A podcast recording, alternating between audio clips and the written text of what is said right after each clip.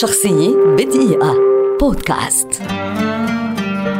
فرانشيسكو خينتو المعروف بباكو خينتو لاعب كرة قدم إسباني كبير ولد عام 1933 ويعد واحدا من أبرز اللاعبين الأسبان ومن أساطير كرة القدم العالمية على مر التاريخ.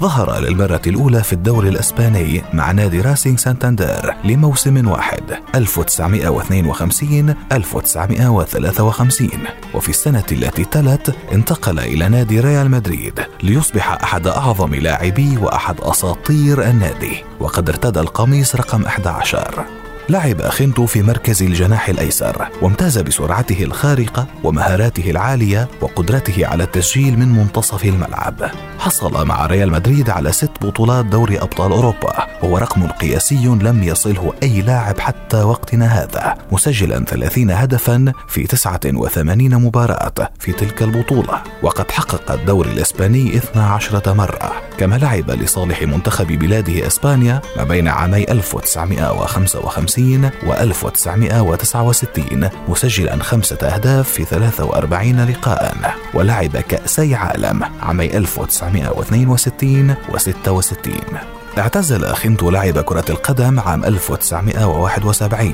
بعد 18 عاما في خدمة ريال مدريد وانتقل بعدها لمهنة تدريب إذ درب أندية الدوريات الدنيا مثل ريال مدريد كاستيا، كاستيون، فالنسيا ونادي غرناطة. وفي نهاية المطاف قبل بمنصبه في ريال مدريد كسفير للنادي في أوروبا. وبعد وفاة ألفريدو دي ستيفانو تم تعيينه رئيسا فخريا لريال مدريد. اختير خينتو من قبل الاتحاد الدولي لتاريخ وإحصاءات كرة القدم كأعظم لاعب كرة قدم إسباني وحصل على المركز 30 بين أعظم لاعبي كرة القدم في العالم في القرن العشرين.